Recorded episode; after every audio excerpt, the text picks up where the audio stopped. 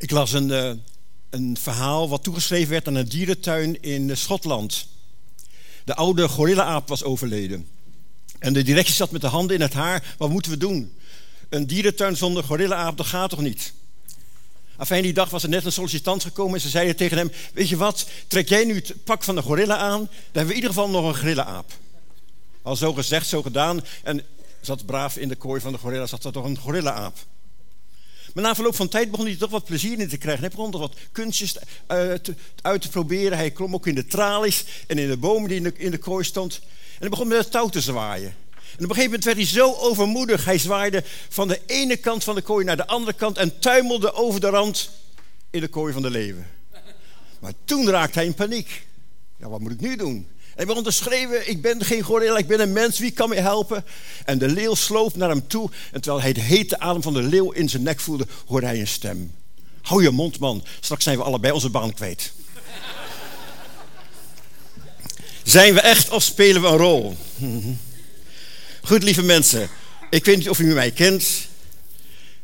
Mijn naam is Gerrit Houtman en ik ben verantwoordelijke van het Christelijk Hulpverleningscentrum Bethesda in Genk in België. We hebben inmiddels verschillende afdelingen, ook in Antwerpen en in uh, Gent. En wij proberen vanuit onze hulpverlening mensen weer uh, te laten zien dat er altijd hoop is.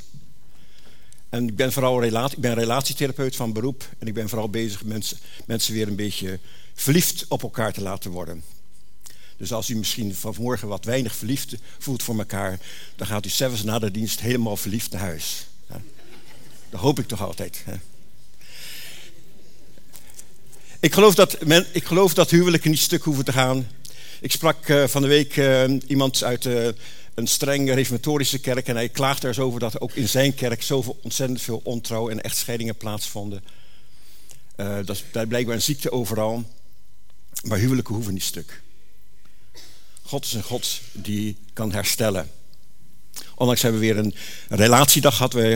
vroeger organiseerde ik huwelijkscursussen en tegenwoordig doe ik relatiedagen. En dan trekken we met een aantal koppels op een eh, leuke plek. Nu was het in de abdij van de Achelse Kluis. Met twaalf koppels een hele dag. Alleen maar praten over het goede. Niet over problemen. Alleen maar van waar ben je dankbaar voor? Wat waardeer je in elkaar? Wat vind je sterk bij elkaar? Zodat mensen met een sterk gevoel na zijn dag weer naar huis gaan. En daar geloof ik in. Ik geloof dat relaties zich kunnen herstellen. En dat mensen weer opeens het mooie kunnen zien. En dat mensen na zo'n dag dan opeens zeggen van... Ah, nu kijk ik opeens heel anders. Um, veel mensen zijn dan bang om naar zo'n dag te gaan. Van ja, dan moeten we de hele dag over problemen gaan praten. En wat merk ik dan? Dat mensen na zo'n dag enorm bemoedigd zijn. Van, oh, je hoeft helemaal niet over problemen te hebben.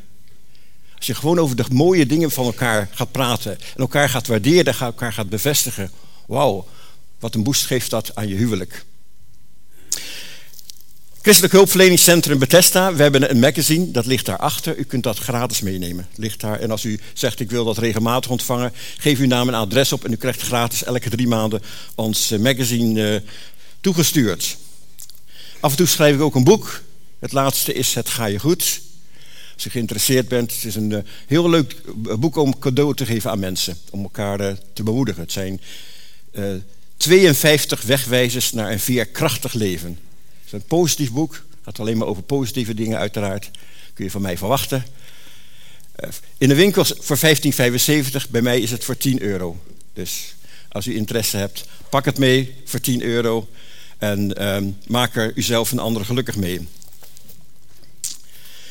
Goed, ik ben heel uh, blij dat ik hier mag spreken. Vooral omdat het de Maranatenkerk is.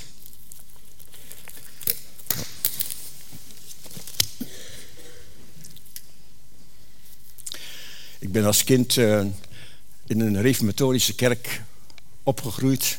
En die heette de, de Maranatenkerk. Dus ik ben heel blij dat ik weer in de Maranatenkerk mag zijn. Ik wil met u uh, spreken over Gods drievoudige overwinning op het kwaad. En we gaan Bijbel, in de Bijbel lezen. Ik hoop dat u allemaal een Bijbel bij u heeft. Ik lees het wel uit de, de herziene statenvertaling. Maar het zal niet veel verschillen of u de NBG of de NBV of welke vertaling u ook hebt. We gaan lezen in Romeinen 5 vanaf vers 12. Een van de moeilijkste gedeeltes van de Bijbel, tegelijkertijd een van de mooiste gedeeltes van de Bijbel.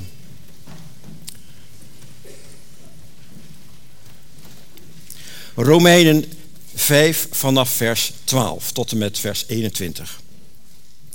Daarom, zoals door één mens de zonde in de wereld is gekomen, en door de zonde de dood, en zo de dood over alle mensen is gekomen, in wie allen gezondigd hebben. Want totdat, er, totdat de wet er kwam, was er wel zonde in de wereld. Zonde wordt echter niet toegerekend als er geen wet is. Toch heeft de dood geregeerd, van Adam tot Mozes toe, ook over hen die niet gezondigd hadden, met dezelfde overtreding als Adam, die een voorbeeld is van hem die komen zou. Maar het is met de genadegave niet zoals met de overtreding. Want als door de overtreding van de ene velen gestorven zijn, veel meer is de genade van God en de gave door de genade die er is door de ene mens, Jezus Christus, overvloedig geweest voor over velen. En het is met de gave niet zoals het was door de ene die zondigde. Want de veroordeling leidde ten gevolge van één overtreding wel tot verdoemenis, maar de genadegave bij vele overtredingen tot rechtvaardiging. Want als door de overtreding van de ene de dood geregeerd heeft door de ene, veel meer zullen zij die de overvloed van de genade en van de gave van de gerechtigheid ontvangen, in het leven regeren door de ene, namelijk Jezus Christus. Zoals dus door één overtreding de veroordeling gekomen is over alle mensen tot verdoemenis, zo komt ook door één rechtvaardigheid de genade over alle mensen tot rechtvaardiging van het leven. Want zoals door de ongehoorzaamheid van de ene mens velen als zondaars aangemerkt worden, zo zullen ook door de gehoorzaamheid van de ene velen als rechtvaardigen aangemerkt worden. De wet echter kwam er nog bij, opdat de overtreding zou toenemen. Maar waar de zonde is toegenomen, daar is de genade meer dan overvloedig geweest. Opdat evenals de zonde geregeerd heeft tot de dood, zo ook de genade zou regeren door gerechtigheid tot het eeuwige leven door Jezus Christus, onze Heer. Tot zover het woord van God.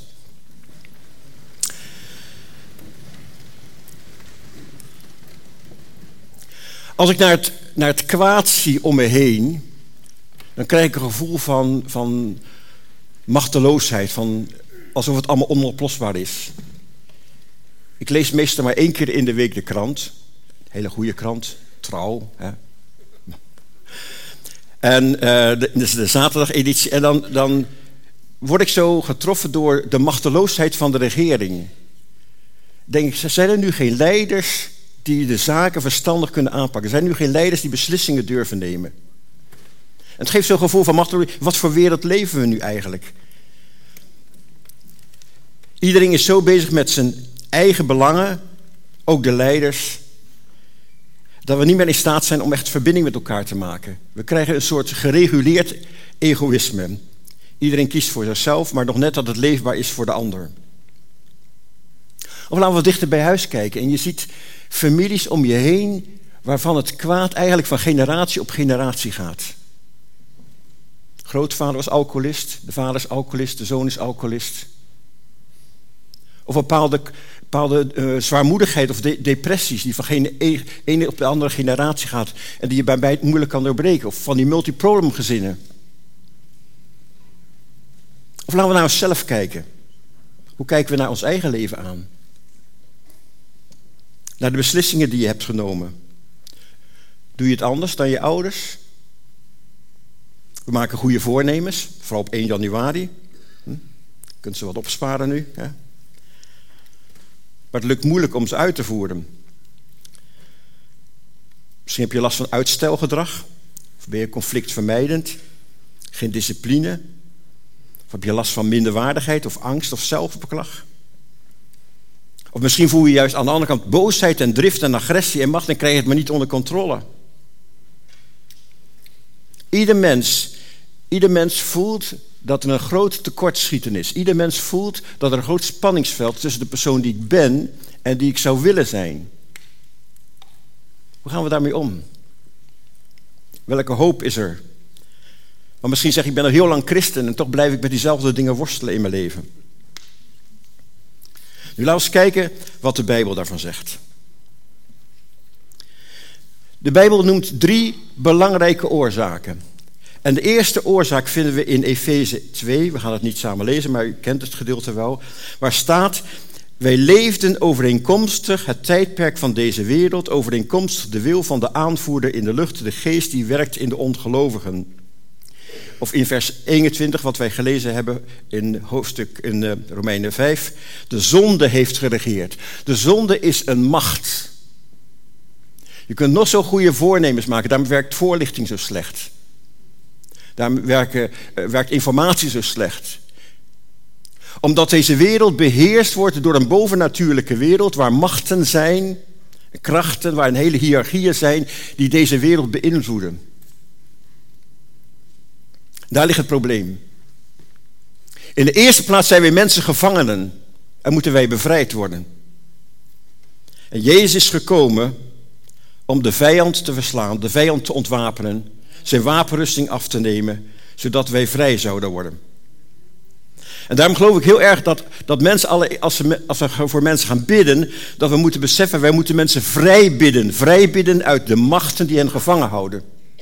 Je kunt enorm beroep doen op de eigen wil van mensen en op, hun, uh, op, het, op het gezond verstand en noem maar op. Maar je zult merken dat het niet werkt omdat er machten verbroken moeten worden, omdat mensen gevangen zijn of mensen verslaven zijn.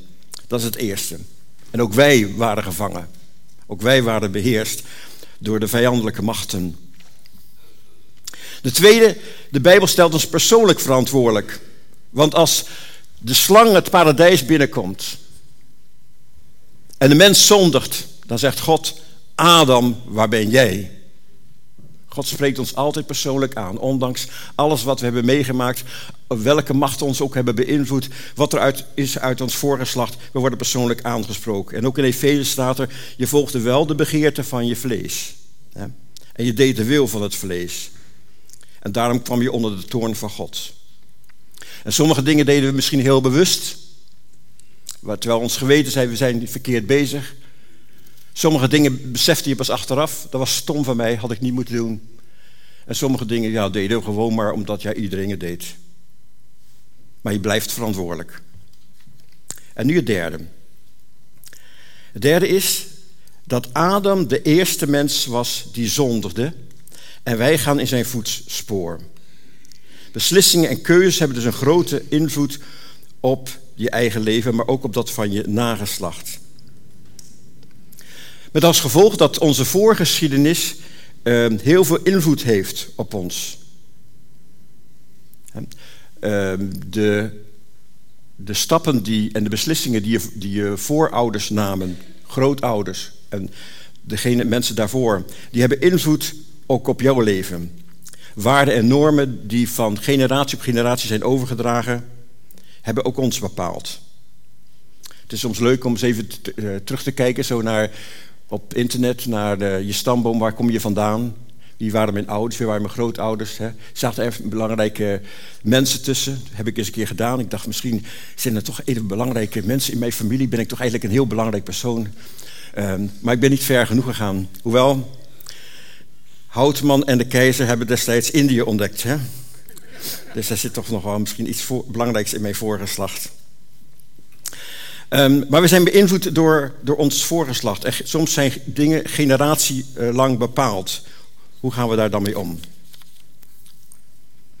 Nog één opmerking over zonde. Um, zonde is altijd tegen iemand.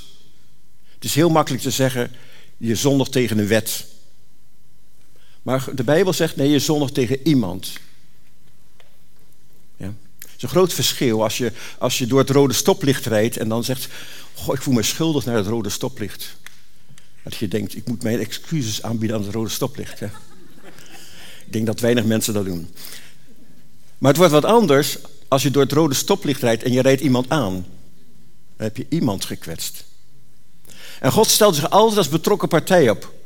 God zegt niet: hé, hey, daar is een wet waar je tegen gezondigd hebt. God zegt: je zondigt tegen mijn goedheid. Ik ben goed voor jou. Waarom ga je zo met mij om? En dat is een lijn die je in de hele Bijbel weer telkens terugvindt. Oké, maar nu gaan we naar, kijken naar de hoop. De hoop hoe God dingen verandert. Het eerste is dat de vijand is verslagen.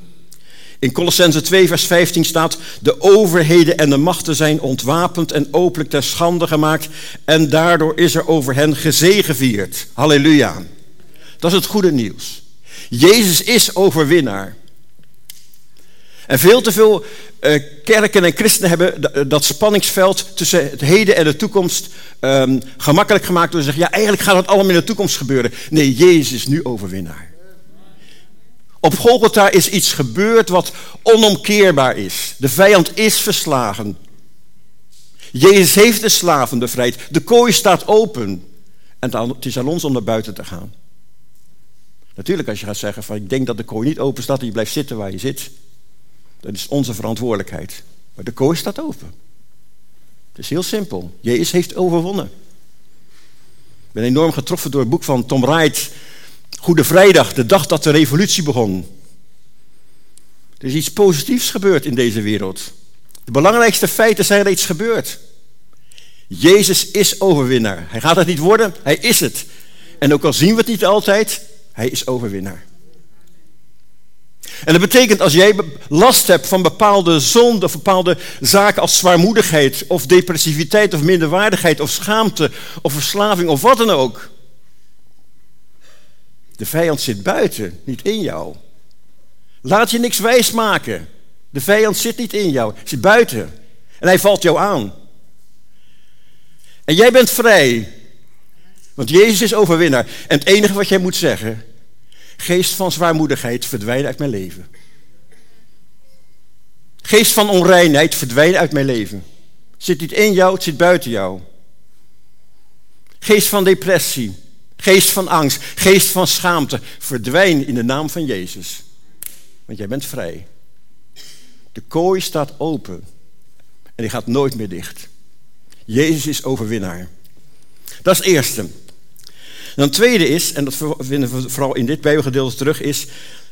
Nu kan God zijn genade volledig aan ons geven door de overwinning van Jezus. Veel meer is de genade, zegt vers 15. Er is een overmacht, een voortdurende stroom van allerlei diverse goedheden van God die naar ons toekomt door de genade. Want genade moet je heel breed opvatten. Wij pakken genade heel erg op als gratie, als vergeving. Maar genade in de Bijbel is gunst. God ziet jou graag. En elke dag is God erop uit om iets goeds voor jou te doen. God is erop uit om deze week iets goeds voor jou te doen. En God zegt, ik, ik heb enorm veel goede dingen op het oog. Ik heb heel veel gedachten. En God associeert als ware van het ene goede naar het andere om aan jou te geven. Want God is goed. En God wil laten zien dat Hij goed is. Ik heb drie prachtige dochters en vier kleinkinderen. En als ze er zijn, dan wil ik contact met ze. En dan wil ik leuke dingen met ze gaan doen. We hebben pas een familieweekend gehad. En je verlangt ernaar als ouder om goed te zijn voor je kinderen. En om leuke dingen met te doen. En dat zij met een prettig gevoel ook weer naar huis gaan. En zo God is nog veel meer. God is er niet op uit om u te corrigeren. God is er niet op uit om u te straffen. God is erop uit om zijn goedheid aan u te laten zien. Gratie, maar meer dan dat.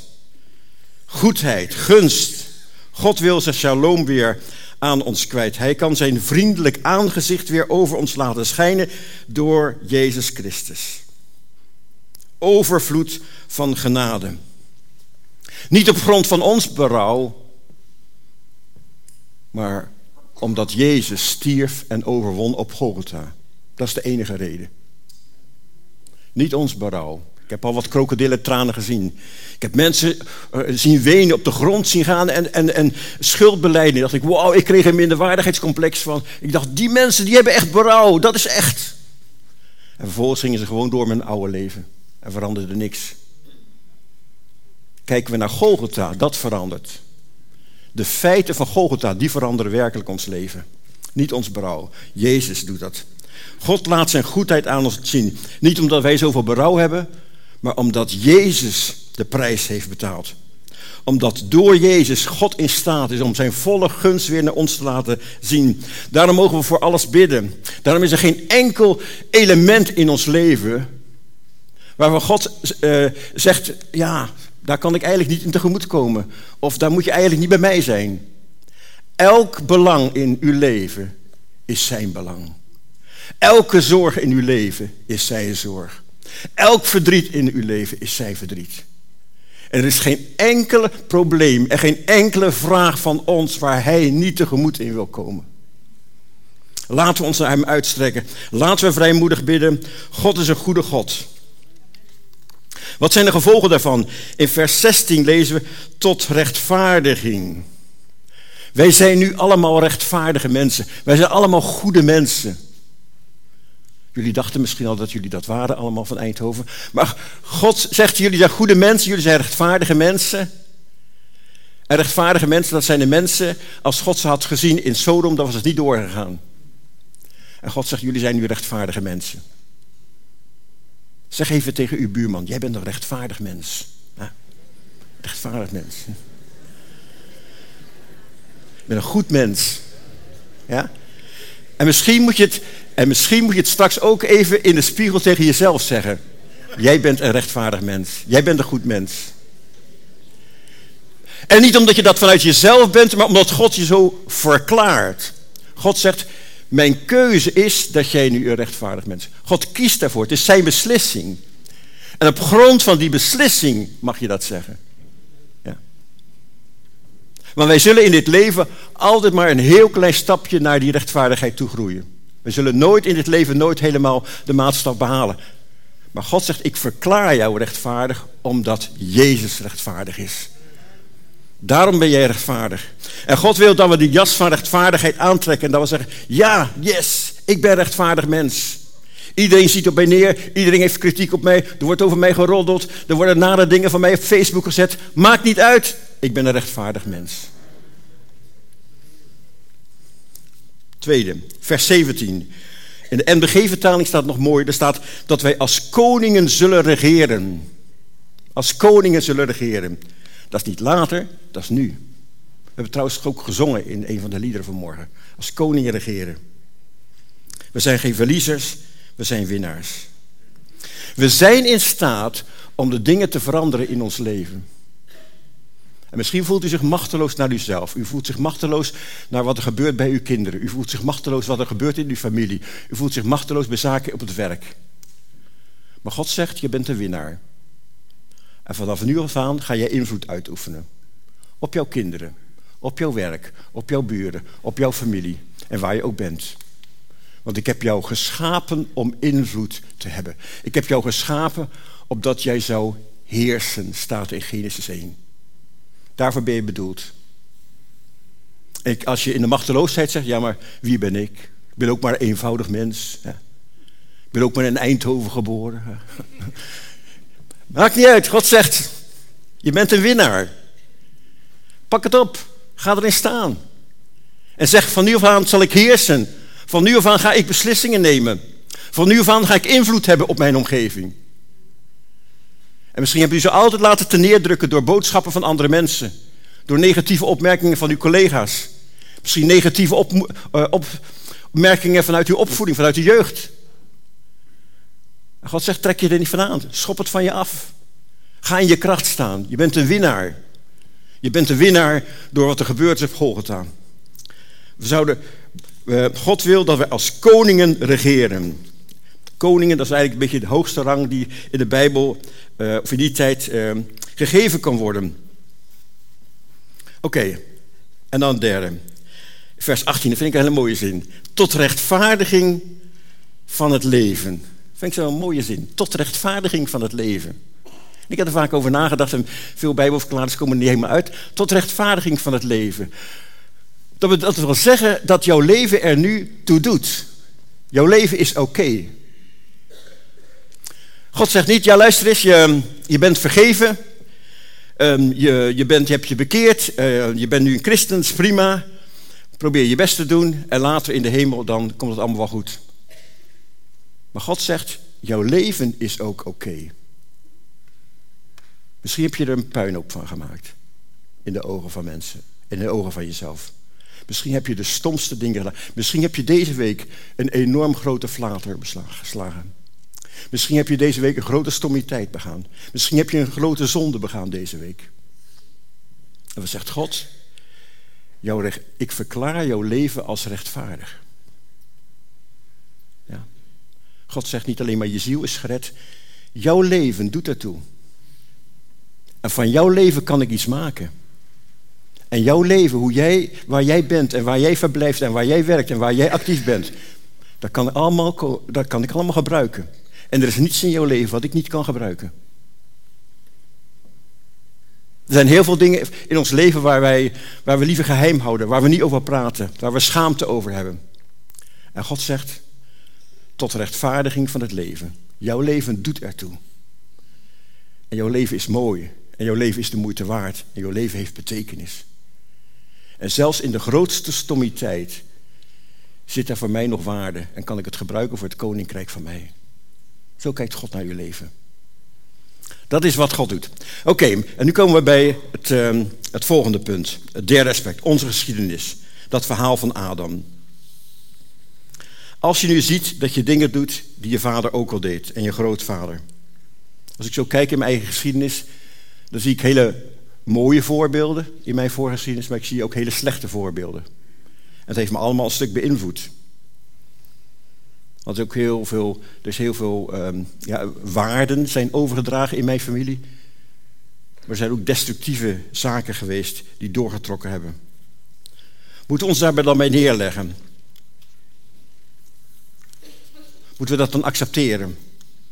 Als je ziet dat je grootmoeder ook al last had van depressies. En je moeder ook. En je herkent het zelfs bij je eigen kind. En je zegt, ja, dat is een familietrek van ons. Ja? Kunnen we niks aan doen, kunnen we niks aan veranderen. Paulus zegt, de bloedlijn van Adam naar ons.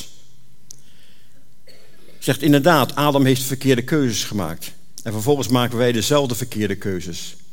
Maar, zegt Paulus, de bloedlijn is veranderd. Door Jezus' overwinning is het veranderd. Jezus heeft de juiste keuzes gemaakt en vervolgens hebben wij deel aan die goede keuzes.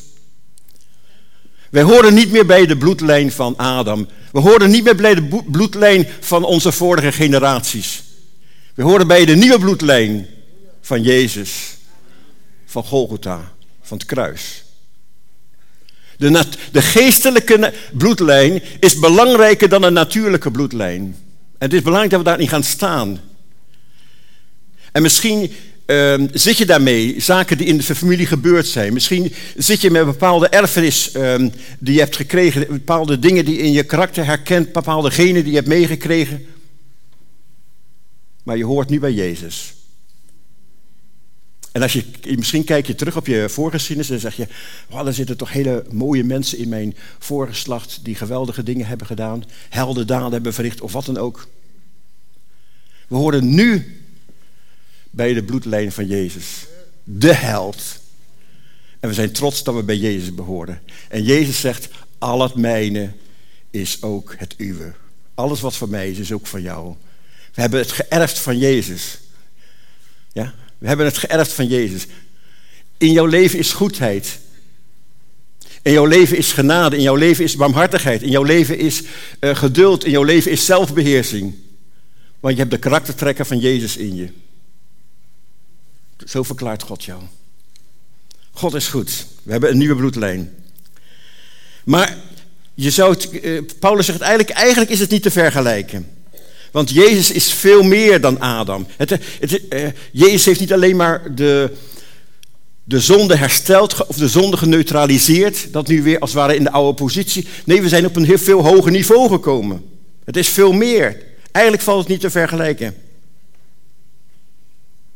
En ik heb moeten denken aan het volgende. Weet u nog in de oertijd dat wij naar de fotograaf gingen als we een filmrolletje hadden volgeschoten en we gingen naar de fotograaf en na twee weken kon je de foto's terughalen. En wat kreeg je dan? Dan kreeg je foto's en je kreeg gewoon de negatieve. Weet u dat nog? De negatieve. Ja? En dan kijk je naar zo'n negatief en dan denk je, ja, dat is het inderdaad. Maar de foto is duizendmaal mooier. Ik heb nog nooit iemand gehoord die een negatief thuis heeft opgehangen. Misschien in de fotostudio, maar niet in de huiskamer. Maar de prachtige foto's wel. Dan kijk je naar de foto en ja, inderdaad. Maar dan zie je je trouwfoto en denk je, die is duizendmaal mooier. En toch heeft het met elkaar te maken. Adam heeft met Jezus te maken. Adam was het negatief. Maar Jezus is de prachtige foto. En zo is het ook in ons leven. En we kijken heel vaak zo naar die negatieve van ons leven. Denk je, ja, ja.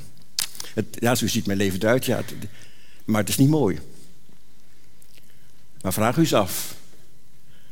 Welke mooie foto kan God van uw negatief maken? Wij zeggen, gooi die negatieve maar weg. En God zegt, nee, nee, nee, nee, nee. Ik heb ze nodig om ze af te drukken. Want ik ga er een prachtige foto van maken. God gaat van uw leven iets moois maken. Dat heeft hij altijd al gewild. Maar nu door Jezus kan hij het ook. God wil van uw leven de prachtigste foto maken die er is. Veel meer is de genade. De foto is veel meer dan het negatief. Het is maar een zwak voorbeeld om uit te drukken hoe groot Gods genade is. Ja? En de negatieve die blijven achter op dit leven. Maar de foto gaat door. Laten we daarom het nieuwe leven omarmen. Laten we dingen doen die het omgekeerde zijn wat we tot nu toe gedaan hebben. Kijk niet langer naar het oude negatief, maar vraag je af wat de echte foto zou kunnen betekenen. En er is nogmaals, dat van het negatief, het, hij wordt helemaal afgedrukt. Ja? Helemaal. Niet half, er wordt niet gefotoshopt, dat doen ze tegenwoordig, maar toen nog niet. Hè? Hij wordt helemaal afgedrukt, werd toch helemaal afgedrukt, ja. Is hele negatief. Maar dat was iets prachtigs. En God zegt, zo kan ik alles, alles in jouw leven gebruiken. Elke stommiteit. Alles waar je over schaamt. Elke vergissing, elke blunder, elke flater. Alles kan God gebruiken. Dat wordt een prachtige foto. En eigenlijk is het alleen maar, vertrouwen we hem daarin? Geven we onszelf in, in zijn handen, vertrouwen we hem daarin? Ik wil gaan afronden. Vers 21 zegt: Het is nu de tijd dat de genade zou regeren. De genade gaat regeren. Het is het tijdperk van de genade. Ik sprak pas uh, iemand die werkte met uh, allochtone jongeren, hè, dus migranten, met heel veel met hun criminaliteit. En uh, hij zegt, die, je moet ze hard aanpakken, zei hij. Je moet ze hard aanpakken. Want dat is de enige taal die ze verstaan. Dat is de enige taal waar ze respect voor hebben. Hard aanpakken die lui. En God zegt, het is de tijd dat de genade gaat regeren. Vanaf, vanaf Golgotha heeft God besloten om de genade te laten regeren. En we zouden zeggen, dat is niet efficiënt van God. Dat is, dat is niet verstandig van God. Maar God zegt, ik kies voor de genade. En wij worden uitgenodigd om door de genade de wereld te regeren. God gaat deze wereld veranderen door zijn genade, door zijn liefde, door zijn barmhartigheid. Natuurlijk zou zou veel effectiever zijn als God zegt: streep eronder en ik ga het hard aanpakken. Alle slechte eruit en enkele goede blijven over. Misschien ook nog enkele van Eindhoven. Hè? Maar God zegt: nee, ik kies voor de genade. En de vraag is: geloven wij dat? Want het is heel makkelijk met de stroom van de wereld mee te gaan en zeggen: uh, genade en liefde en barmhartigheid en, en, en uh, alles wat met zachtaardigheid te maken heeft, dat werkt niet in deze wereld. Laten we kiezen voor de hardheid, voor de strengheid. Maar God zegt: Ik heb besloten om het via de liefde te doen. En op het, op het kruis van Golgotha is God zelf de kwetsbare geworden. We maken soms een heel groot verschil tussen Jezus en de Vader. Maar aan het kruis heeft de Vader zichzelf laten zien aan deze wereld. Hoe kwetsbaar hij is en hoe zachtmoedig en nederig en dat hij zichzelf wilde opofferen voor ons. In Jezus gaf God zichzelf. En God zegt, op die manier gaan we het doen. En is de keus. Is de keus, ook naar onszelf. Laat ik mij door Gods genade aanraken? Geloof ik hem? Vertrouw ik dat hij een barmhartig God is? Vertrouw ik dat hij van elk negatief iets moois kan maken en een prachtige foto aan het maken is? Geloof ik dat? Vertrouw ik Hem? En wil ik samen met Hem de wereld ingaan en zeggen: er is een boodschap van liefde, er is een boodschap van genade, er is een boodschap van vergeving. Aan ons de keus. Maar God heeft besloten: ik doe het via liefde, ik doe het via genade. Dat is mijn wapen. En uiteindelijk zal de wereld veranderen en zal het koninkrijk van God hier gevestigd worden door liefde. Nu staat ons de keus. Ik wil graag voor jullie bidden.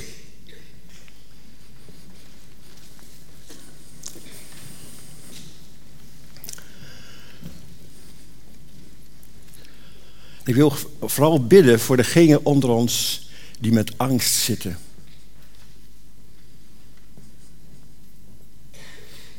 Jezus is jouw bevrijder. Jezus is jouw bevrijder. En als ik tijdens het gebed, als je je aangesproken voelt, ga dan staan. Als je tijdens het gesprek voelt van dit is voor mij, ga dan staan. We gaan Gods zegen over jou uitbidden. Ja. En allereerst bid ik voor degenen die in angst zijn. Angst omdat ze met de paplepel al angst zijn ingegeven. Angstige ouders, angstige vader, angstige moeder, die de wereld alleen maar bedreigend vonden.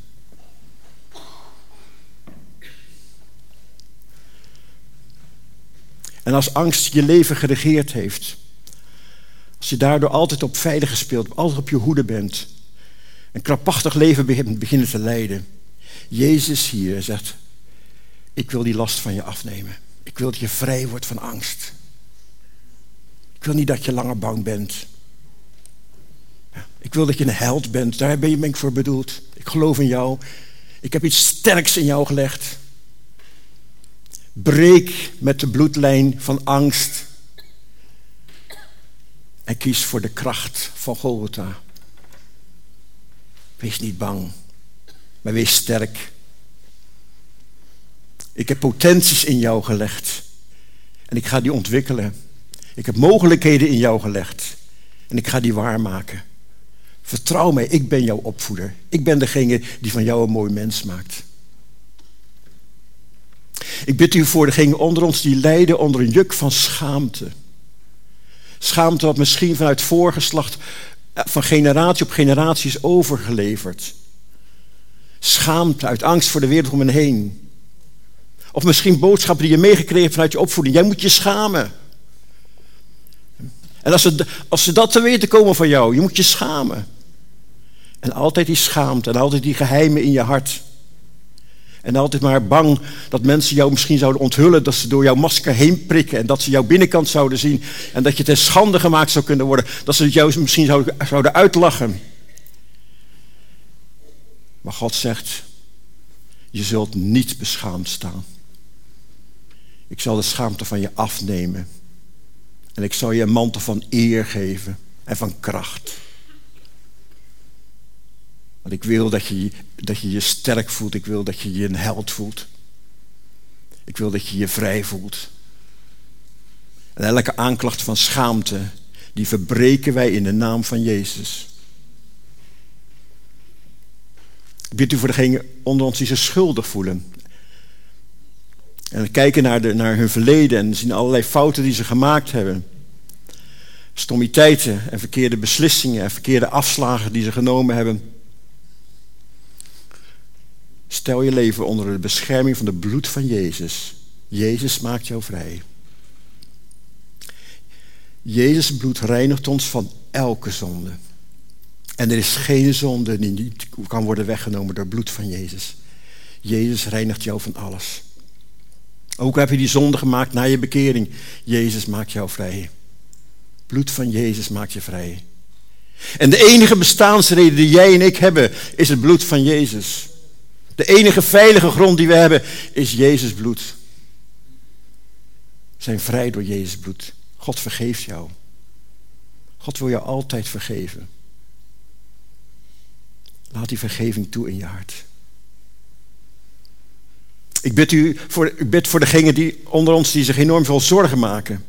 Zorgen rond de kinderen. zorgen rond uh, financiën, zorgen rond gezondheid. En altijd maar weer pieken je. En elke keer ben je, aan het, ben je aan het problemen maken. Telkens weer maak je je zorgen en je, en je leven en je, je geluk wordt vernield en je blijdschap wordt weggenomen. Jezus zegt: Kom bij mij. En Jezus belooft ons een onbezorgd leven. Niet omdat de problemen niet zijn, maar omdat onder jou veilige armen zijn die je altijd en telkens weer opvangen. Je bent, er, er wordt voor jou gezorgd, je bent veilig. Er is iemand die het allemaal al voorziet. Welk probleem je ook tegenkomt, er is reeds een voorziening voor getroffen. God heeft reeds een voorziening aangelegd voor de problemen die jij de komende week gaat meemaken. En God wil je leiden naar die bronnen en naar die voorzieningen. Vertrouw Hem. En dan ben ik echt een zegen voor een ieder. En ieder die opgestaan is, ik zegen jullie in de naam van Jezus. Ik zegen jullie met rechtvaardigheid. Jullie zijn goede mensen. Jullie zijn prachtmensen. Jullie zijn mensen begiftigd met alles wat nodig is om tot een volledig leven te komen. Jullie zijn bedoeld voor een bestemming. Jullie zijn bedoeld om zegen uit te dragen. Jullie zijn bedoeld om invloed uit te oefenen. Jullie zijn bedoeld om beslissingen te nemen. Jullie zijn bedoeld om niet langer achteruit te kijken, maar vooruit te kijken. En te weten, de toekomst is klaar, de weg is voorbereid, de bestemming ligt klaar, de zegeningen liggen klaar. Want God is goed. En ik zegen jullie daarmee in de naam van Jezus. Wees gezegend, ontvang het. God is goed voor jullie. Amen.